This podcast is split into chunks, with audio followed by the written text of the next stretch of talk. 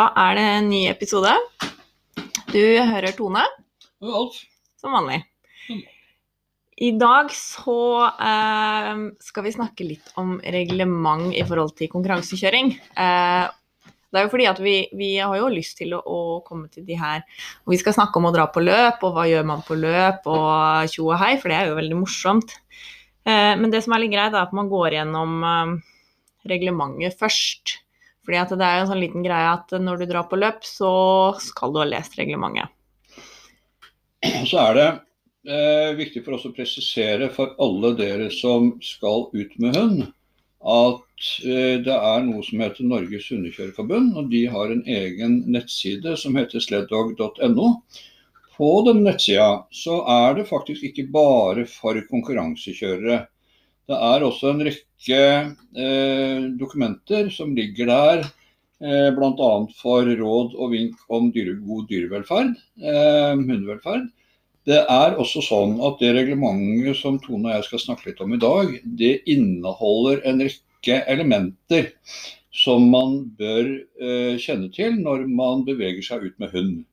Eh, sånn at det er ikke bare for, for de som skal ut og konkurrere. Så vi skal komme litt tilbake til dette her. Ja, for det er jo sånn F.eks. at BGB-krok er forbudt i løp. eh, Det er jo fordi at det er en fare for både kjører og hund, og da om man ikke skal konkurrere, men man skal kjøre på fjellet, så er det fortsatt lurt å ikke bruke BGB-krok. Eh, og sånn som dopingreglementet, det har vi ikke tenkt å snakke noe særlig om i dag. Men det her med at eh, det ikke er lov å kjøre med en hund på medisiner eh, man, Hunden skal ikke kjøres i løp så og så lenge etter at den har fått smertestillende f.eks. Det er jo fordi at det ikke er bra. Sånn at det, som Alf sier, det her gjelder jo alle som skal kjøre hund, selv om de ikke skal konkurrere. Ja, og det står en del om, om alder på hunder osv. som er greit også å vite om når man skal begynne å kjøre inn ungehunder f.eks. Mm. Ja. Eh, jeg tenkte jeg bare skulle si først så står det noe om formålet med dette reglementet. Eh, og det er jo for å sikre god dyrevelferd på løp. Eh, og også det at det skal være like regler for de forskjellige løpa i Norge som er terminfesta. Eh, arrangører kan jo legge til litt, eh, litt ekstra regler, men, eh, men det er ikke alt de kan forandre på som de vil. Og det er for at det skal være litt sånn likt da, for de som lager løp. Nå, Eh, nå sa du et ord eh, som det er greit, det er greit å presisere betydningen av. altså eh, termin, Ordet terminfestet betyr bare at det er løp som står på løpslista til Norges hundekjørerforbund, og som har forplikta seg til å følge det eh, regelverket. mm. Eh, det finnes noen eh, løp som går utenfor terminlista. Men de generelle reglene som, som står i, i eh, det reglementet vi skal snakke om, de gjelder eh, Iallfall de gode rådene, eh, sikkerhetsrådene, gjelder fordi det gjelder også innenfor barmark. Altså de løpa som eh, arrangementene som pågår på, utenom før snøen kommer. Så er det også greit å vite om at det er en del sikkerhetsregler og en del sånn uh, andre regler som gjelder uh, der også. Selv om ikke formelt, så er det greit å vite om det. Mm. Uh, det står litt om at hva som er ditt ansvar som løpsdeltaker. Og det er bl.a. å ha godt trente, friske og forberedte hunder til dette løpet. Og jeg tenkte jeg bare skulle nevne det vi snakka litt om i forhold til å sosialisere hundene fra de er valper. Og det her med å, være å ha forberedt hunden til å dra på løp, det mener jeg innebærer at hunden er vant til å kjøre bil. Den ligger ikke tre timer i kassa og peser og stresser og er dritsliten når den kommer fram fordi den ikke er vant til å kjøre bil. Det er, eh, det er unødvendig stress for hunden hvis du bare legger litt innsats i valpene og tar de med og kjører bil, så er de vant til det. Og også dette her med folk og hunder. Altså de, at de har sett folk, de har sett hunder. De, de får ikke unødvendig høye stressnivåer fordi at de ikke vet hva andre hunder er, eller at livredd folk eh, det, det, det er ikke så vanskelig å, å, gjennomføre når de er små, som regel. Og du får mye igjen for det. Uh, jeg har også skrevet opp arrangørs ansvar i forhold til reglementet, og det er jo at de skal legge til rette for at det skal være trygge forhold og god dyrevelferd og, og, sikkerhet for utøver.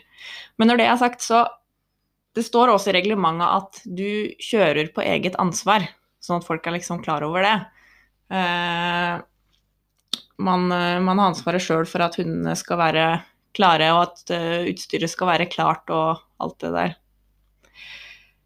Eh, det står også at både kjører og arrangør skal sette seg inn i hele reglementet. Og det er jo litt her, hvis du kommer på løp, så kan du ikke forvente at uh, du skal få lov til å bryte reglementet bare fordi du ikke visste det.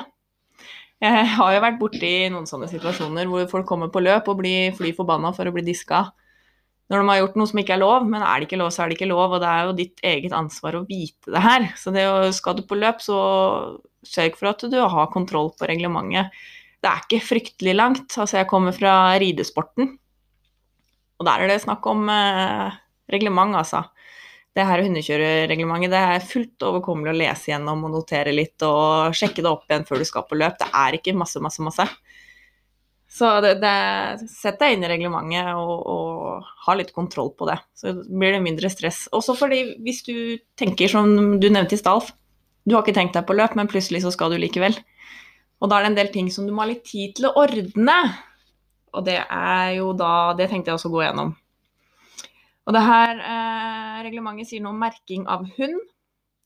Og de skal jo skipmerkes. De alle skal ha skip for å identifisere hunden. Og det står faktisk i reglementet at det skal være en skip av ISO-standard 11784 eller vedlegg A til ISO-standard 11784. Hvis du skipper hunden din hos veterinær, eller hvis du kjøper skip av forbundet, så er det innafor. Altså de er etter denne standarden, og det vil ikke bli et problem. Kjøper du skip f.eks. på eBay, så kan du risikere at det er en annen type skip. Og det som skjer da, er at når du kommer på løp, så kan ikke TD eller veterinær eller funksjonær lese skipen på hunden din. Eh, og i, i, i, reglementet så står det da at du faktisk da er pliktig til å ha med egen avleser som kan lese skipene dine. Så det er greit å være litt obs på, for man har jo ikke nødvendigvis en skipleser liggende alle. Og ikke alle vet at her det er en forskjell. Og skipleserne til forbundet de kan ikke lese disse andre skipene. Og da er ikke hunden din merket på lovlig måte, da. Da kan du jo risikere å ikke få kjøre. Og det er veldig kjedelig. Uh, man skal levere en skipliste hvis det er flere heat eller over flere dager. Det er veldig lettvint å forberede på en tid på året hvor du ikke har så dårlig tid. Uh, du lager en skipliste på, på lagrer på PC-en. Du finner den på sleddog.no. Det er hvor reglementet ligger fyller du inn eh, med navn på hundene dine, og tar du bare alle som er aktuelle, legger inn skipnummeret, alder, kjønn. Og når du skal på løp, så kan du bare fjerne de som eventuelt ikke skal være med, printe lista og ha den klar. Veldig, veldig greit. Det er lettvint. Um, vaksiner. Det er sånn at det er påbudt med vaksine mot valpesyke, parvo og smittsom leverbetennelse. Det er jo den her vanlige vaksina, f.eks. DHP. Eh, Nobivac DHP. Mange har Nobivac DHPPI. Det betyr bare at du har også mot parainfluensa. Eh, og etter at hunden er ett år, så er det en varighet på tre år, står det i reglementet. Så lenge det ikke er spesifisert annet fra vaksineprodusent. Eh, og så står det Det er ikke påbudt med nesevaksine på alle løp. Noen løp bestemmer selv at de vil at de skal være nesevaksinert, altså da mot uh, kennelhoste. Men det står faktisk i reglementet at man bør ha en vaksine mot kennelhoste, og at de anbefaler nesevaksina, står det. Så det er sånn at du må ikke, hvis du ikke skal på et løp som ikke krever det, men det er anbefalt, det som er viktig å huske på da, i forhold til å forberede seg, er karenstid. Altså tiden du ikke har lov til å starte i løp etter at vaksinen er satt. På den vanlige trippelvaksina eller DHPPI så er det 14 dager. Det er den du setter i nakkeskinnet. Eh, men på nesevaksina så er det 42 dager, altså seks uker karenstid. Det kan være veldig greit å huske på, særlig hvis man vil starte barmark, som er veldig tidlig på sesongen. Sette nesevaksina tidlig på sommeren når hunden har fri, og du har god tid til de her barmarksløpa starter. Eh, de skal også gjerne ha i hvert fall en uke fri og lenger hvis de begynner å hoste av vaksina. Så det er veldig greit å planlegge og legge inn den da i ferietiden for hundene. Det står faktisk også regler i forhold til vaksinekortet. Vi får jo ofte inn folk som har vaksinekort hvor det står et navn og ingenting mer. Hvis du skal på løp og vise det vaksinekortet i sekretariatet, så holder ikke det. Eh, vaksinekort skal inneholde navn, men det skal også inneholde fødselsdato på hunden. Og det her er jo fordi jo Det er jo regler for hvor gammel hunden skal være. Det skal være ført inn skipnummer og dato for når skipen er satt inn. Det som er her med den eh, datoen for skipen, eh, det er at eh, den skal være satt seinest samtidig som den vaksina som skal være gyldig for løpet. Og det handler jo om at du skal være attestert at det er denne hunden med dette skipnummeret som har fått denne vaksinen i dag. Hvis du ikke har noe skipnummer, eh, hvis du ikke hunden har en skip når den vaksinen er satt, så kan, kan ikke veterinæren attestere at det er denne hunden som har fått den vaksinen. Uh, og det skal da være signert av veterinær, ellers er den ikke gyldig, denne vaksinen.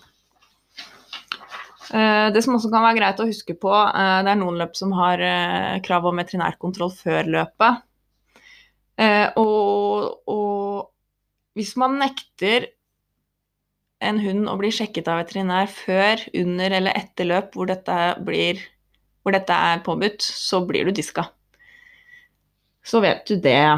Og så også jeg opp det her med BGB-krok, som er forbudt, som vi sa i stad. Og så fant jeg en sånn liten setning som jeg syns bare var så morsom. Og det står at hvis utøver faller av, og spannet går i mål, så er det, er det deltakeren som går i mål, som er tida. Jeg bare så for meg du tryner rett før mål og løper som faen. Bikkjene er i mål, og du har 500 meter løsende. Å, fy søren, altså. Så det var bare Det tok jeg med bare for moro skyld.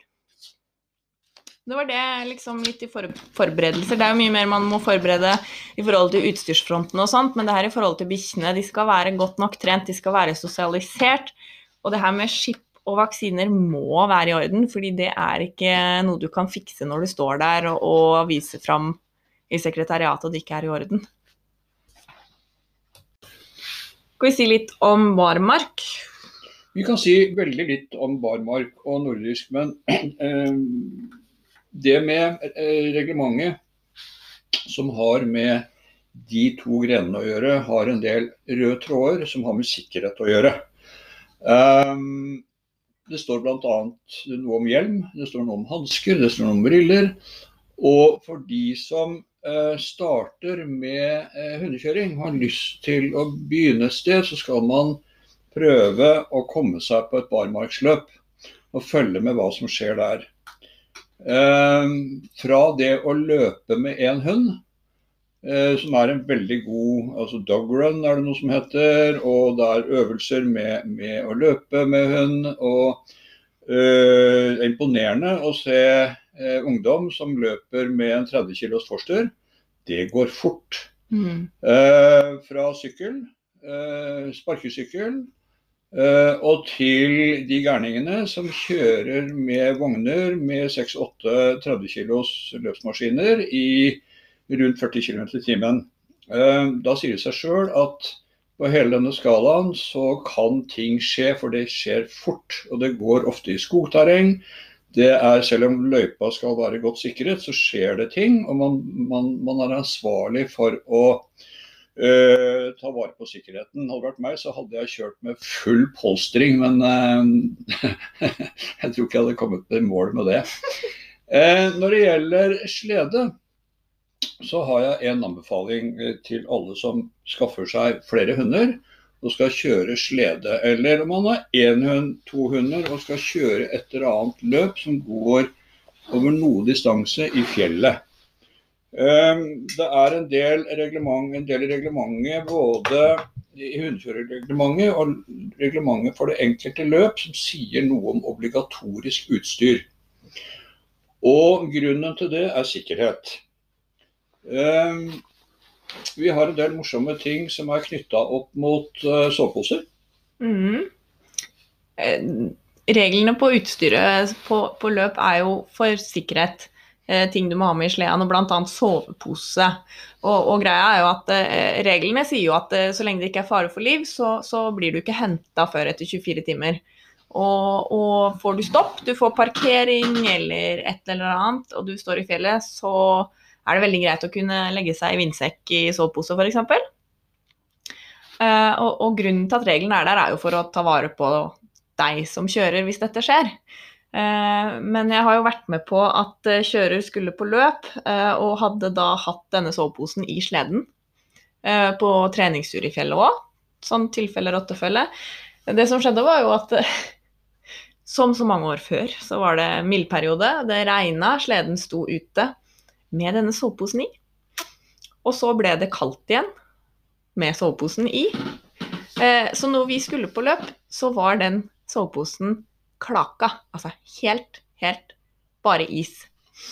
Men, eh, men det, det, var ingen reservepose, så den posen den ble med, den. Og den lå i sleden og ble med på løp. Og, og greia var at den sleden var pakket etter reglementet og hadde en sovepose med riktig vekt osv. osv. Men hvis man da blir stående på fjellet og du må krabbe ned i soveposen fordi det er storm, du kommer ingen vei, hundene vil ikke gå. Jeg tror ikke det hadde vært den mest behagelige opplevelsen å legge seg i en klaka sovepose hvis du i det hele tatt får rulla den ut. Og mens du da ligger der, så tiner denne soveposen, og all isen blir til vann. Så det var, det var et reglement-ish, men, men funksjonen var jo liksom litt borte, da. Det er riktig. Og dette er en, eh, en veldig viktig sånn pekefinger. Eh, eller tommelfinger eller et eller annet man finger i øret. Eh, fordi eh, i de lange løpene, sånn som Finnmark, så har man regler om minstevekt på soveposen. Og litt av grunnen til dette, det er at en dunsovepose, eh, den fungerer ikke hvis den blir våt. Det er noe som heter overvann fra tid til annen. og Noen ganger kan dette overvannet, det kan være åpne bekker, som gjør at man ramler uti dette vannet. Og hvis en sovepose da blir våt og er av dun, så funker den ikke. Eh, dette er ikke noe reklame, det er ikke, det er ikke noe sånt ute og går her. Men det finnes jo ekstremdunposer til, som veier 1,4 kg og som koster 14 000 kroner. Eh, jeg sier ikke at dere ikke skal kjøpe de, men hvis dere gjør, gjør sånne kjøp, så må dere ha noe én eh, som dere pakker denne soveposen inn i, altså en overtrekkspose.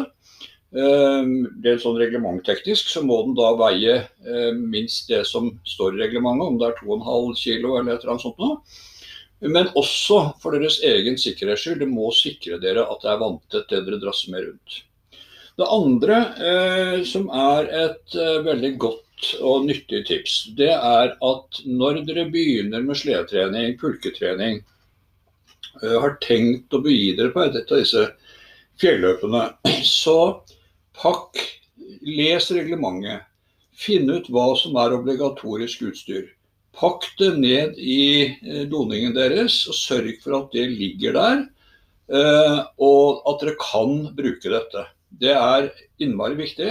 Det hjelper ingenting å bli stoppa oppå et høyfjell. Det er fokka igjen, det er stein og det er jord, og det blåser katter og kaniner. Og da skal dere begynne å lære dere å bruke utstyr. Ikke gjør det. Det er mange da Det å ta opp en vindsekk som dere ikke har hatt oppe siden dere kjøpte den, eh, for så å begynne å lære dere det når det blåser eh, skjorta, det er farlig. Det er livsfarlig. Og det, når det blir livsfarlig for deg som kjører, så er det enda verre for hundene. Eh, det ble gitt et veldig godt råd fra en garva hundekjører til nybegynnere på femmerløpet før den berømmelige orkanen som var der for noen år siden som antagelig reddet mange liv. Og det var at de fikk det rådet at de pakket ut og satte sammen vindsekken. De la soveposen inni vindsekken. Uh, de festet vindsekken til sleden med en halvannen meter tau. Nedi soveposen så la de litt reserveproviant, litt sjokolade osv. Eh, litt reservebatterier. Eh, og, og, det funka for de ungdommene som ble fanget oppå fjellet mellom Tolga og Femund det året. Eh, en annen historie på det er jo en historie fra en garva hundekjører. som altså Før i tiden så, så pakka man jo dette eh, en eller annen gang. Man pakka det i plastsekker, søppelsekker, putta det i sleda, og der lå det. Og så ble dette rydda inn på låven eller på uthuset på, på, våren. Og så lå det der til neste år, og så tok man det på sleden igjen. Mm. Det være seg soveposer, reserveklær osv. Men denne karen her, han hadde holdt på med dette noen år. Inn og ut med disse samme sekkene som gikk i hylla, men så kjørte han en vinter inn i en elg, gitt. Ja. Og da skulle han opp med disse sekkene. Og den beskrivelsen hans av da han åpna denne sekken inn på vidda, Eh, det gikk sånn på miljøet løs. Altså sånn var, han kunne bli redda av, eh, av Naturskadefondet, for da var det så muggen. At det var grønt. Kjennetegner ikke det som var nedi der. Det var ikke til stor hjelp for han. Ja. Så dette her krever litt vedlikehold, og det krever Greit å sjekke. Ja, gjør det. Å, æsj a meg. Det er litt æsj a meg. Ja. Um, det å ha med seg det å ha med seg reserveproviant, som Tone sa, så, så, er du på et løp som går litt over flere dager, så er det regler på når du kan bli henta. Og som regel på de lange løpene så går det på 24 timer. Det vil si, og det er veldig viktig å vite, at først etter 24 timer så begynner leitinga. Og Det betyr at har du kjørt deg bort, så eh, det tar enda lengre tid. Det vil si at du skal ha med deg utstyr, og du skal være trena i å bruke utstyr, sånn at du kan ivareta deg og bikkjene i mer enn 24 timer. Og 24 timer er lang tid mm. når du sitter i en snøfall eller oppå et bart fjell. Du må vite å ta vare på deg sjøl. Um, ehm, sånn at uh, hva, hva, spiser du, hva drikker du når du sitter på fjellet her? Veldig mange eh, kommer når vi har utstyrssjekk på lange løp. Du skal ha med deg en halv kilo nødproviant, står det til deg sjøl. Hva er det? Jo, mange kommer med disse Drytech-posene, realmat og lignende. Og Da lurer jeg på, har du tenkt på hvis du ligger i kuling inni en vindsekk, inni en sovepose, hvordan du skal få i deg dette? For du får ikke fyra opp primusen din, du får ikke fyra opp eh, fòrkokeren din. Eh, den blåser ut med en gang. Eh, det å tygge tørt drytech, mm, mm. ikke godt. Eh, vi har en diskusjon gående. Kommer det her nå fram til den nødprovianten jeg alltid hadde med meg fordi du sa det var lurt? Altså, Nødproviant er eh, Det lureste er en halv kilo marsipan. Marsipan, ja, det hadde... Marsipangrisen, den er det flere som eh, blir redda av. selv om, Men man må jo selvfølgelig ha en, en viss eh, Man må være litt glad i marsipan. Ja, altså jeg var jo ikke det. og Jeg, men det var så fantastisk. Den her pølsa med marsipan, den er, den er pakka så den, så den er beskytta. Den, den, er jo, kommer jo ferdig i sånn 500 grams pølse. Mm. Jeg liker ikke marsipan. Men jeg tenker sånn at hvis du ligger der i blåsten og du har en pølse med marsipan, det er masse sukker, eh, masse energi.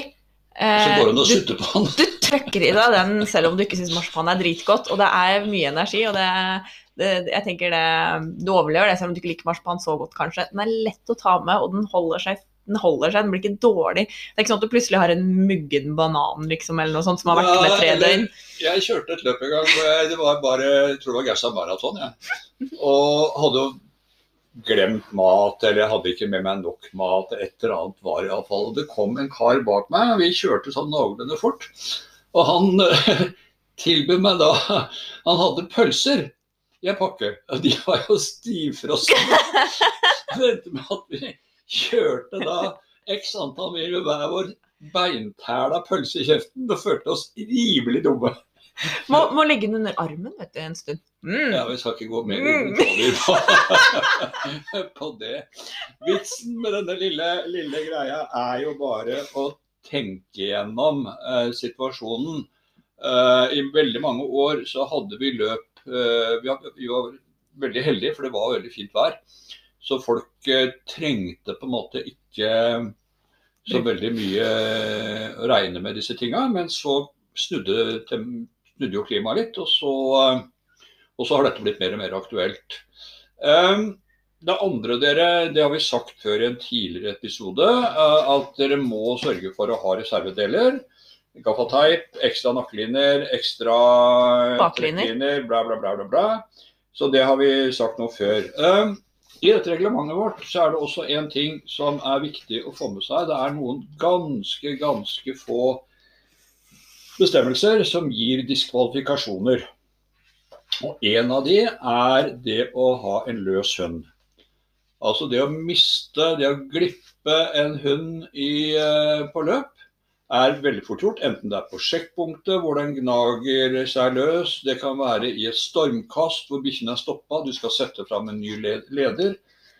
Og reglene sier at eh, du må ha gjort alt hva som står i din makt for å, få tilbake denne bikkja. Ehm, da er vi tilbake til utgangspunktet, nemlig at kontakten med bikkja di Mm. eh, gjennomtenkt hva du gjør før du gjør det, når du er ute på sporet. Mm. Et annet element eh, er sportmanship. Det vil si alt som har med forbikjøringer av spann. Eh, der er det mye rart, og det er mye tullete ting som skjer på sporet fordi man blir så konkurranseprega. Eh, hovedregelen, nøkkelen til, til lykke og velstand i den situasjonen, er at den som blir forbikjørt, har ansvaret for at den forbikjøringa skjer OK. Husk at når du blir forbikjørt, så har den som kjører forbi deg, større fart enn deg. Og når den kommer forbi deg, så kan du følge etter vedkommende. Han vil da kjøre opp sporet for deg, han øh, gjør at bikkjene dine får litt større fart. Så du har alt å tjene på å hjelpe vedkommende forbi. Og hva betyr det? Jo, det betyr og her er det veldig mange eh, meninger, men, men som hovedregel så sak når lederbikkja til vedkommende kommer opp på sida av sleden din, så har du foten på matta, du sakker farten, du stopper ikke. For i det øyeblikket du stopper, så stopper bikkjene dine og snur seg og lurer på hva i H er det du holder på med, og blir opptatt av det forbikjørende spann. Så du sakker farten. Prøver så godt du kan å legge deg ut på sida. Hvis du har en, en hund som du veit er ekstra nysgjerrig, kan være kranglete, ja da sier du til han som kommer stopp litt, du setter ned ankeret, du går fram og så holder du den bikkja og skyver dem inn til sida. Hvis vedkommende som kommer forbi deg eh, får problemer, så gjør du det samme. Du setter ned ankerne, går fram og hjelper han forbi, eller hun forbi. Og sånn er det. Det er ikke noen diskusjon om alternativer. Men hva sier eh, reglementet i forhold til hvis den som kommer bakfra sier at du skal stoppe? Er det lov? Da er det lov å si, hvis vedkommende sier at du, stopp spannet ditt, jeg må forbi, så plikter du å stoppe spannet og Mm. holde ditt spann og hjelpe ham forbi. OK, ja. Så Mm. enkelt er det. Mm. Ja. Jeg det er liksom ikke noe eh, Og du skal vente litt. Eh, Jeg har vært borti på Femund på lite snø på Femund-season og kjører forbi tre spann. Og etter det siste spannet, de kjørte i lag, så fikk jeg litt kluss og måtte stoppe. Og det, når jeg holder på med bikkjene mine, så kjører de spannene forbi meg. Og det gjentok seg tre ganger. Eh, og det er ikke kult. Det er egentlig ikke lov heller. Jeg kunne lagt inn protest, gjorde ikke det. Det ergrer meg litt. Jeg jeg var også utsatt for det på et femmerløp, hvor jeg kjørte forbi den samme personen to ganger. Og vet, hver gang jeg fikk et problem fordi bikkjene mine var slitne og skulle inn og lukte litt. Og jeg spurte om hjelp, og han sa at det er ditt ansvar å trene bikkjene dine og komme forbi. Jeg kunne lagt inn protest, gjorde det ikke, og jeg angrer på det, fordi at sannsynligvis så fortsatte vedkommende et andre løp. Ja, det er dårlig gjort. Jeg, jeg har vært heldigere enn deg. Første gangen jeg var ute og kjørte ordentlig løp utafor arena, var jo Rørosløpet, som i gamle dager gikk fra, gikk fra Røros ut til Langen og så tilbake en dagen etterpå. Og på vei hjem, altså tilbake til Røros dag to, så, så var det den her eh, hendelsen hvor jeg klarte å sette ankeret fast innunder sleden. Eh, og måtte legge sleden ned og rive og røske og træle. Og, og han som sto bak meg, han sto bare og glisa og venta og var kjempetålmodig. Men også på gruveløpet så har jeg hatt kjedelig forbikjøring, det var noe helt annet. Eh, hvor i teori, Egentlig så gikk forbikjøringa veldig fint, men det her er bare et eksempel på at det, det, det kan være kjedelig likevel. Eh, spannet foran eh, Det var veldig, veldig trangt, så spannet foran stoppa. Eh, og jeg kjører forbi. Det var da jeg kjørte dine hunder, forresten. Og de, gikk jo så fint forbi. Og åtte svære bikkjer med skikkelig trøkk i. Og så, selv om jeg sto på matta, så fikk jeg jo litt fart forbi. Og dette spannet hadde lederhunder uten nakkelinne. For det er lov, sant? Lederhundene kan gå uten Ja. Så det som skjer, er at idet sleden min skal passere lederhundene til dette spannet, så hopper lederhunden ut og skal hilse på. Hvorpå jeg kjører på denne hunden med sleden.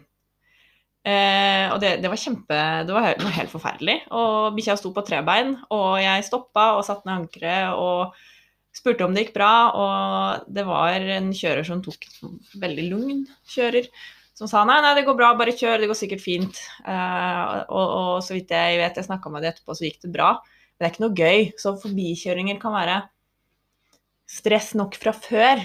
Og det er ikke noe vits å legge til dette stresset og liksom drive og tøyse med at uh, nei, dette får du klare sjøl, nei, jeg skal ikke stoppe. Sånne ting. Helt riktig. Så godt råd. Tren på forbikjøringer, tren med andre. Gjør at bikkjene dine får erfaring og, og, og, skjønner dette her, så går dette her etter hvert veldig greit. Ta hensyn til hverandre. Mm. Da har vi egentlig da har vi vel egentlig kommet gjennom det vi tenkte å si om reglementet sånn egentlig. Man, folk må gå inn og lese det og, og, få kontroll på det før de skal på løp. Nå har jo vi snakka en del om det, men, men, det er jo mye mer enn vi har sagt. Og det er jo lang liste på, i hvert fall hvis du skal kjøre langdistanse, hva som du må ha, og hvor du må ha det. Skal det være i sleden på kroppen osv. osv. Eh, så gå inn og les. Det er på sleddog.no. Jeg skal se og jeg kan ta så legge inn linken i beskrivelsen av episoden òg, så dere kan bare gå inn der og klikke på linken. Så kommer dere rett inn på det her reglementet. Ja, Vi tar gjerne imot masse, masse spørsmål på, på, reglementet. Ja, for det har vi jo glemt å si, da. For de her nybegynnerne vet jo ikke hvem du er. Nei. Alf er jo da TD, altså dommer. Dommer eh, kan dømme alle grener i hundekjøring, sant? Bortimot. Bortimot. Så, så, så, spørsmål i forhold til reglement og, og den biten her, det kan dere i hvert fall sende til oss, for der eh, vil jeg påstå Alfa har god kontroll. Vi skal iallfall kunne gi dere gode svar. Um... Før vi går videre, så bare vi, Det er en grunn til at vi snakker om det her med forbikjøring. At det er en av de delene vi har valgt oss ut for å snakke om. Fordi at man kommer på løp, og man har lyst til å konkurrere, i hvert fall mange av de som starter løp, har jo lyst til å gjøre det bra, de har lyst til å kjøre fort. Eh, og plassere seg etter beste evne for seg sjøl også. Eh, og, mm, og, man kan bli litt høyt oppe. Eh, så vi vil at dere skal prøve å huske på det her med at forbikjøringene, det har vært roten til mye ondt. Eh, men te dere som folk, ta hensyn til hverandre. Jeg har stått og, øh, og tatt imot min egen datter på elleve år som kom inn øh, superfornøyd med første ordentlige sledeløpet og var så lykkelig. Og så kommer deltakeren bak inn og, og er kjempelei seg og gråter og har da fått huden full av kjeft av en voksen kjører som har passert og revet kjeft og vært sinna på dette tolv år gamle barnet. Det er veldig unødvendig, og sånn gjør vi ikke. Og du kan skremme folk ut av eh, konkurransesporet ved å oppføre deg sånn, og det, det er ikke greit. Og skjer det med deg, så legg inn en klage til, til dommer eller til jury med en gang du kommer inn fordi folk slutter ikke hvis ikke de får beskjed om at dette her er ikke akseptabelt. Helt riktig. Helt riktig. Um, snakket Tone om uh, døtre. Uh, det er jo en greie i forhold til rekruttering til sporten som er et satsingsområde for Hundekjørerforbundet nå. Det å få flere med å kjøre hund. Ikke at alle skal eh, begynne å kjøre Finnmarksløpet med en hel haug med bikkjer, men det å, å, bli med og kjøre hund, løpe med hund, bevege seg med hund, eh, er uansett rase Eh, ikke le av det. Jeg er imponert når jeg kommer på barmarksløp og ser alle de rasene folk virkelig bruker som, som, som trekkhunder. Dvs. Si at de løper foran deg med line. Så, så ikke kims av det. Men den aller, aller viktigste greia er jo å starte med egne barn. Det er ikke uten grunn at i mange år så var det veldig få barn av hundekjørere som blei hundekjørere sjøl de var så møkka lei av øh, å fryse. De var møkka lei av å få ankeret i huet.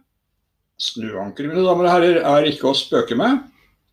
Der må man ha en gjennomtenkt festeanordning, og spesielt hvis du skal ha folk på sleden. Og det som ikke er lov, det er å henge ankeret på sida av sleden med krokene pekende utover. Tenk på all den skaden det kan gjøre til, på et forbikjørende eh, spann. Og eller hvis det kommer borti et tre og fester seg i det treet som du ikke har tenkt at det skal feste seg i. Det har vi prøvd, det er ikke gøy. Eh, ja, det har vi prøvd. Eh, sånn at eh, det å ha en gjennomtenkt eh, måte å ha ankeret på, spesielt hvis dere har med dere barn. Det er ikke så lett, jeg har jo prøvd litt sjøl, men uh, vi endte opp med løsningen at Eh, at eh, de satt med ankeret nedi sleden og ga meg ankeret. Men da er det snakk om at jeg har jo vært litt jeg er jo litt nervøs av meg, så jeg hadde jo ikke med meg ungene før de ble litt større. Store nok til å kunne gi meg ankeret, ta de ut av sleden, stå på bremsen mens jeg ordner ting. Eh, men eh, ja. Gode tips på det må bare sendes inn, for det er ikke så lett alltid. Nei, Iallfall ha en gjennomtenkt løsning på det. Eh, og, eh, og, det er også en veldig god måte å teste ut eh, utstyret deres på, ikke minst vindsekken. For vindsekken er faktisk noe av det bedre dere kan pakke unger mm. inn i på sleden. Mm. Eh, noe av det som virkelig stopper rekrutteringa, er jo frysing. De er møkka lei av den frysinga. og sult. Og sult. Og sult. Jeg husker vi, kjør, vi, kjørte Hvor langt er det ned til Østre herfra? En time? Ja. Drøy time. Kjørte ned. Eh, skulle ut og kjøre, så vi hadde først en time med kjørebil. Eh, så skulle det spennes opp og seles på og ordnes tre spann. Det var pappa, meg og broren min. Så skulle det da kjøres. Usikker på hvor langt vi kjørte, men det tar jo tid uansett. Kommer tilbake igjen. Den eldre lederhunden som da eh, ikke fikk være med fordi han halta ut av kassa, han hadde da sittet inne i bilen sammen med matpakkene. Så det ble da Avseling og ordning av bikkjer og kjøring hjem igjen før disse barna fikk mat. Og vi var ganske små. Og jeg husker jeg var så sulten, og jeg var så sur. Jeg ser på kroppsspråket til Tone har at dette har satt varige spor. For å si sånn, vi, vi, var to stykker som vokste opp med det her. Det, var, det ble en sånn 50-50-rate. da. Jeg er underkjører, og det er ikke broren min. Men det er også noe med den andre delen man har barn, det er jo do. Ja, vi snakka jo om tissing i stort Litt for stor spann, så du er litt stressa. Kan du vente litt til? Litt, det er litt til opplegget. Det kan bli noen kilometer, for du har ikke noe sted å tjore spannet ditt. Altså med andre ord, Det vi sier er at det finnes jo ikke noe fasit på dette. Det, ta med dere unger, men vær eh, ærlige og gjennomtenkte på hvordan dette skal funke. Vil du at de skal rekruttere, så må du være litt eh, påpasselig med at ja. det er gøy, det er ikke for kaldt, du er ikke dritsulten. Du, det er ikke. Hvis du sitter igjen med de minnene, så blir du ikke hundekjører når du vokser opp. Altså. Det tar iallfall litt ekstra tid før du, blir det. Um, men uh, vi sitter her og, og lurer liksom litt på hvem er det som hører på oss, hvem er det som har nytte, hvem er det vi skal snakke til. Vi snakker mye om konkurranser. Uh, jeg tenker jo veldig på dere som uh, har en eller to hunder, og som har de for moro og skal gå med ski og pulk fra hytte til hytte. Eller iallfall men, men for dere også så mener vi at det er greit å vite om dette med utstyret, hva dere skal, hva dere skal ha med dere, og hvordan dere skal te dere. Fordi det er ikke aleine i verden. Og før eller siden så, så, greit, så, havner man i situasjoner hvor det er greit å, å, å kunne trekke på den viten som er nedfelt i reglementene. Noe andre spørsmål som jeg har fanga opp på nettet, det er eh, ikke direkte til oss, men sånn hva folk lurer på, det er jo hva slags vogner skal jeg bruke, hva slags ATV-er skal jeg bruke. Og Da er jo alltid spørsmålet hvor mange hunder har du? Eh, det er helt klart at det, det, erfaring viser at det enkleste å få tak i eh, og det enkleste å virkelig lære seg å trene med, er en umotorisert doning. Enten eh, det finnes en god del av det, alt fra Sacco-vogner til Troll-vogner. En del av disse koster veldig mye penger. Før i tida så lagde vi jo tingene sjøl. Uh, uansett hva du bruker, så er det én ting du må gjøre når snøen kommer. Det er å enten A sette inn dette her uh, på et verksted, så du får overholdt den til neste sesong. Bremser og styring, alt må vedlikeholdes. Uh, tyngde, størrelse jeg skal ikke gi noen gode råd på det, men, men en, en, en tommelfingerregel er at du skal kunne stoppe dette her. Og den skal være enkel enten å tjore til et tre, eller å kunne stoppe mens du går fram og holder bikkjene dine hvis noe skjer. Eh, det er ikke greit å møte naboens datter som er ute og trener til et eller annet, eller rir hest, og du har noen hunder som du er utrygge på uh, i forhold til hest. Og så har du en for lett doning. Eh, det er ikke greit. Det er ditt ansvar å sørge for at de bikkjene kan stoppes, og du kan gå fram og ordne det som er nødvendig. Eh, jeg har jo gjort det her. Jeg dro på treningstur med hest ja. og møtte hundespann. Ja. Eh, det gikk veldig bra. Men, men, det kan gå veldig dårlig.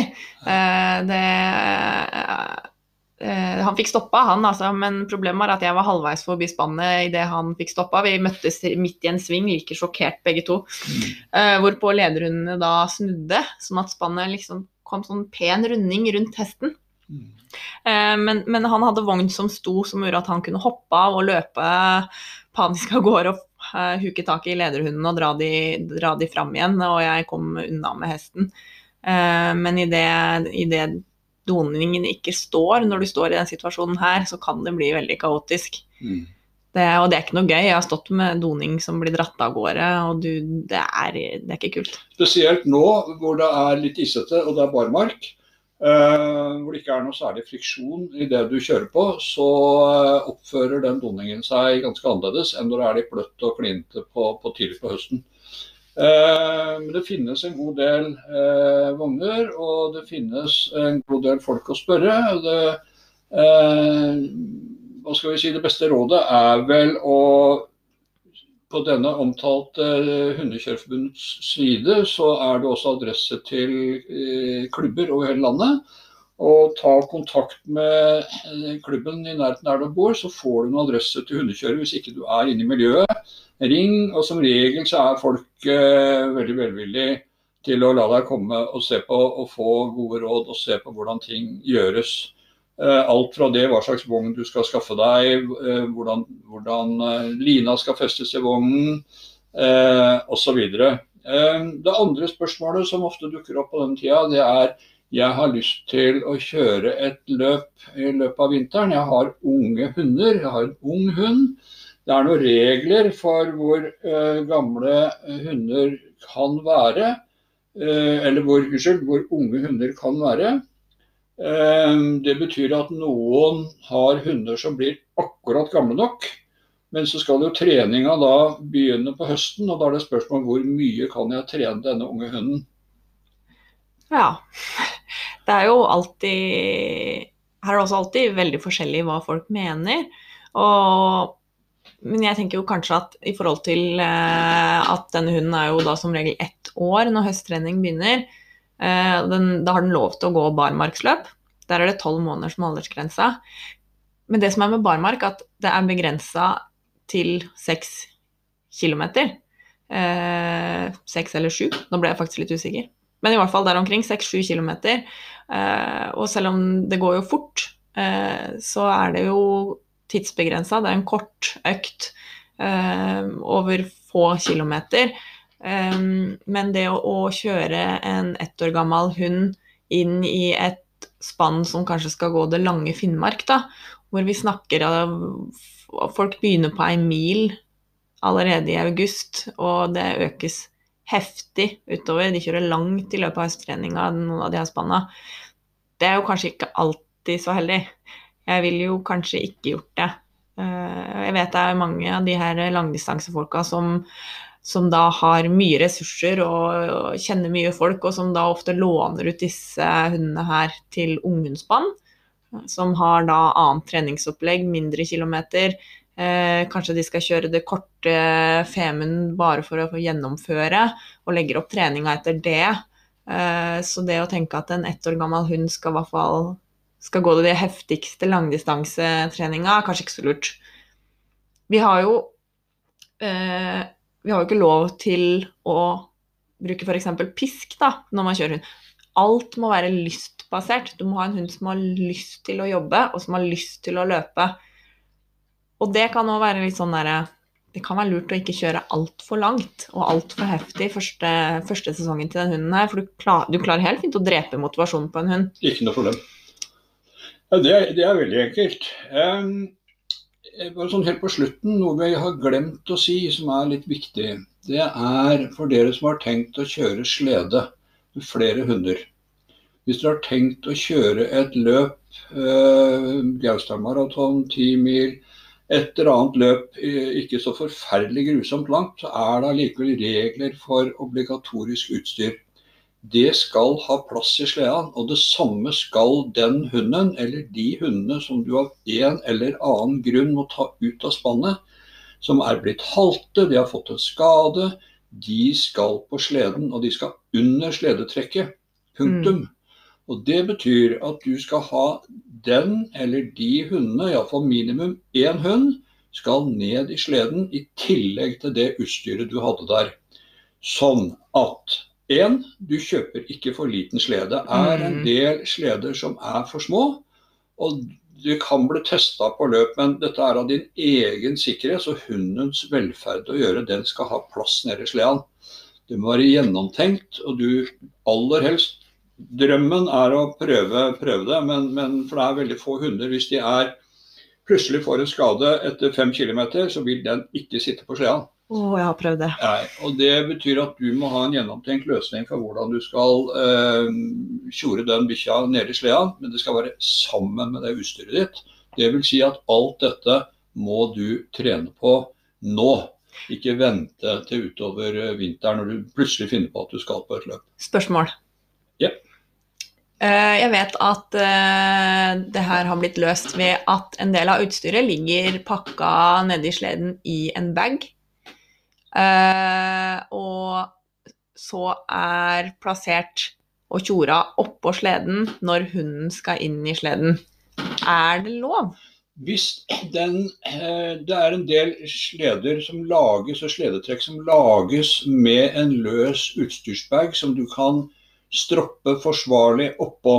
Mm. Da er det lov. Okay. Men bare ha en løs ryggsekk eh, nede eh, som du hiver på ryggen, Eh, er i utgangspunktet ikke lov. Okay. Her diskuteres det mye, NB, NB, men i utgangspunktet så er regelen formulert slik at obligatorisk utstyr eh, skal være i sleden, og det skal være plass til én hund i sleden ja, okay. under sledetrekket. Mm. Det er, og sånn er det. Eh, et annet godt råd eh, som henger sammen med dette, men henger også sammen med, tre, med, med, med, treninga, det som er lurt, det er at dere får tak i eh, gammel treslede. Eh, det må være vedlikeholdt, selvfølgelig, eh, men den skal være litt stor og litt tung. Og det skal være god plass igjen. Mm. Det skal ikke være eh, bør ikke være noe strømlinjeform. Du trenger ikke å kjøpe eh, sleder til 15 000-20 000 kroner med en gang. Start med en brukt slede som dere kan eksperimentere med. Mm. Og aller helst Min drøm sjøl hadde jeg vært hvis jeg hadde hatt en gammel slede som sto der hvor valpene løper. eh, med åpent trekk, sånn at bikkjene kunne, valpene vente seg til å hoppe inn og ut av sleden, og vente seg til at dette var ikke noe farlige greier. Ja. Eh, Jeg har ikke gjort det sjøl, men eh, det skulle jeg starta opp i dag igjen, hvilket jeg ikke skal. Jo da. Gang, Så hadde jeg gjort det.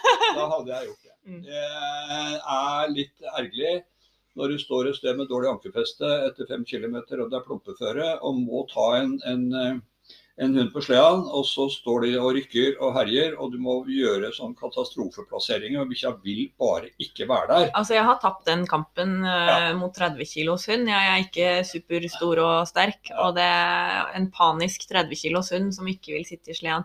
Det er veldig knotete og veldig Ja. vanskelig. Det er det.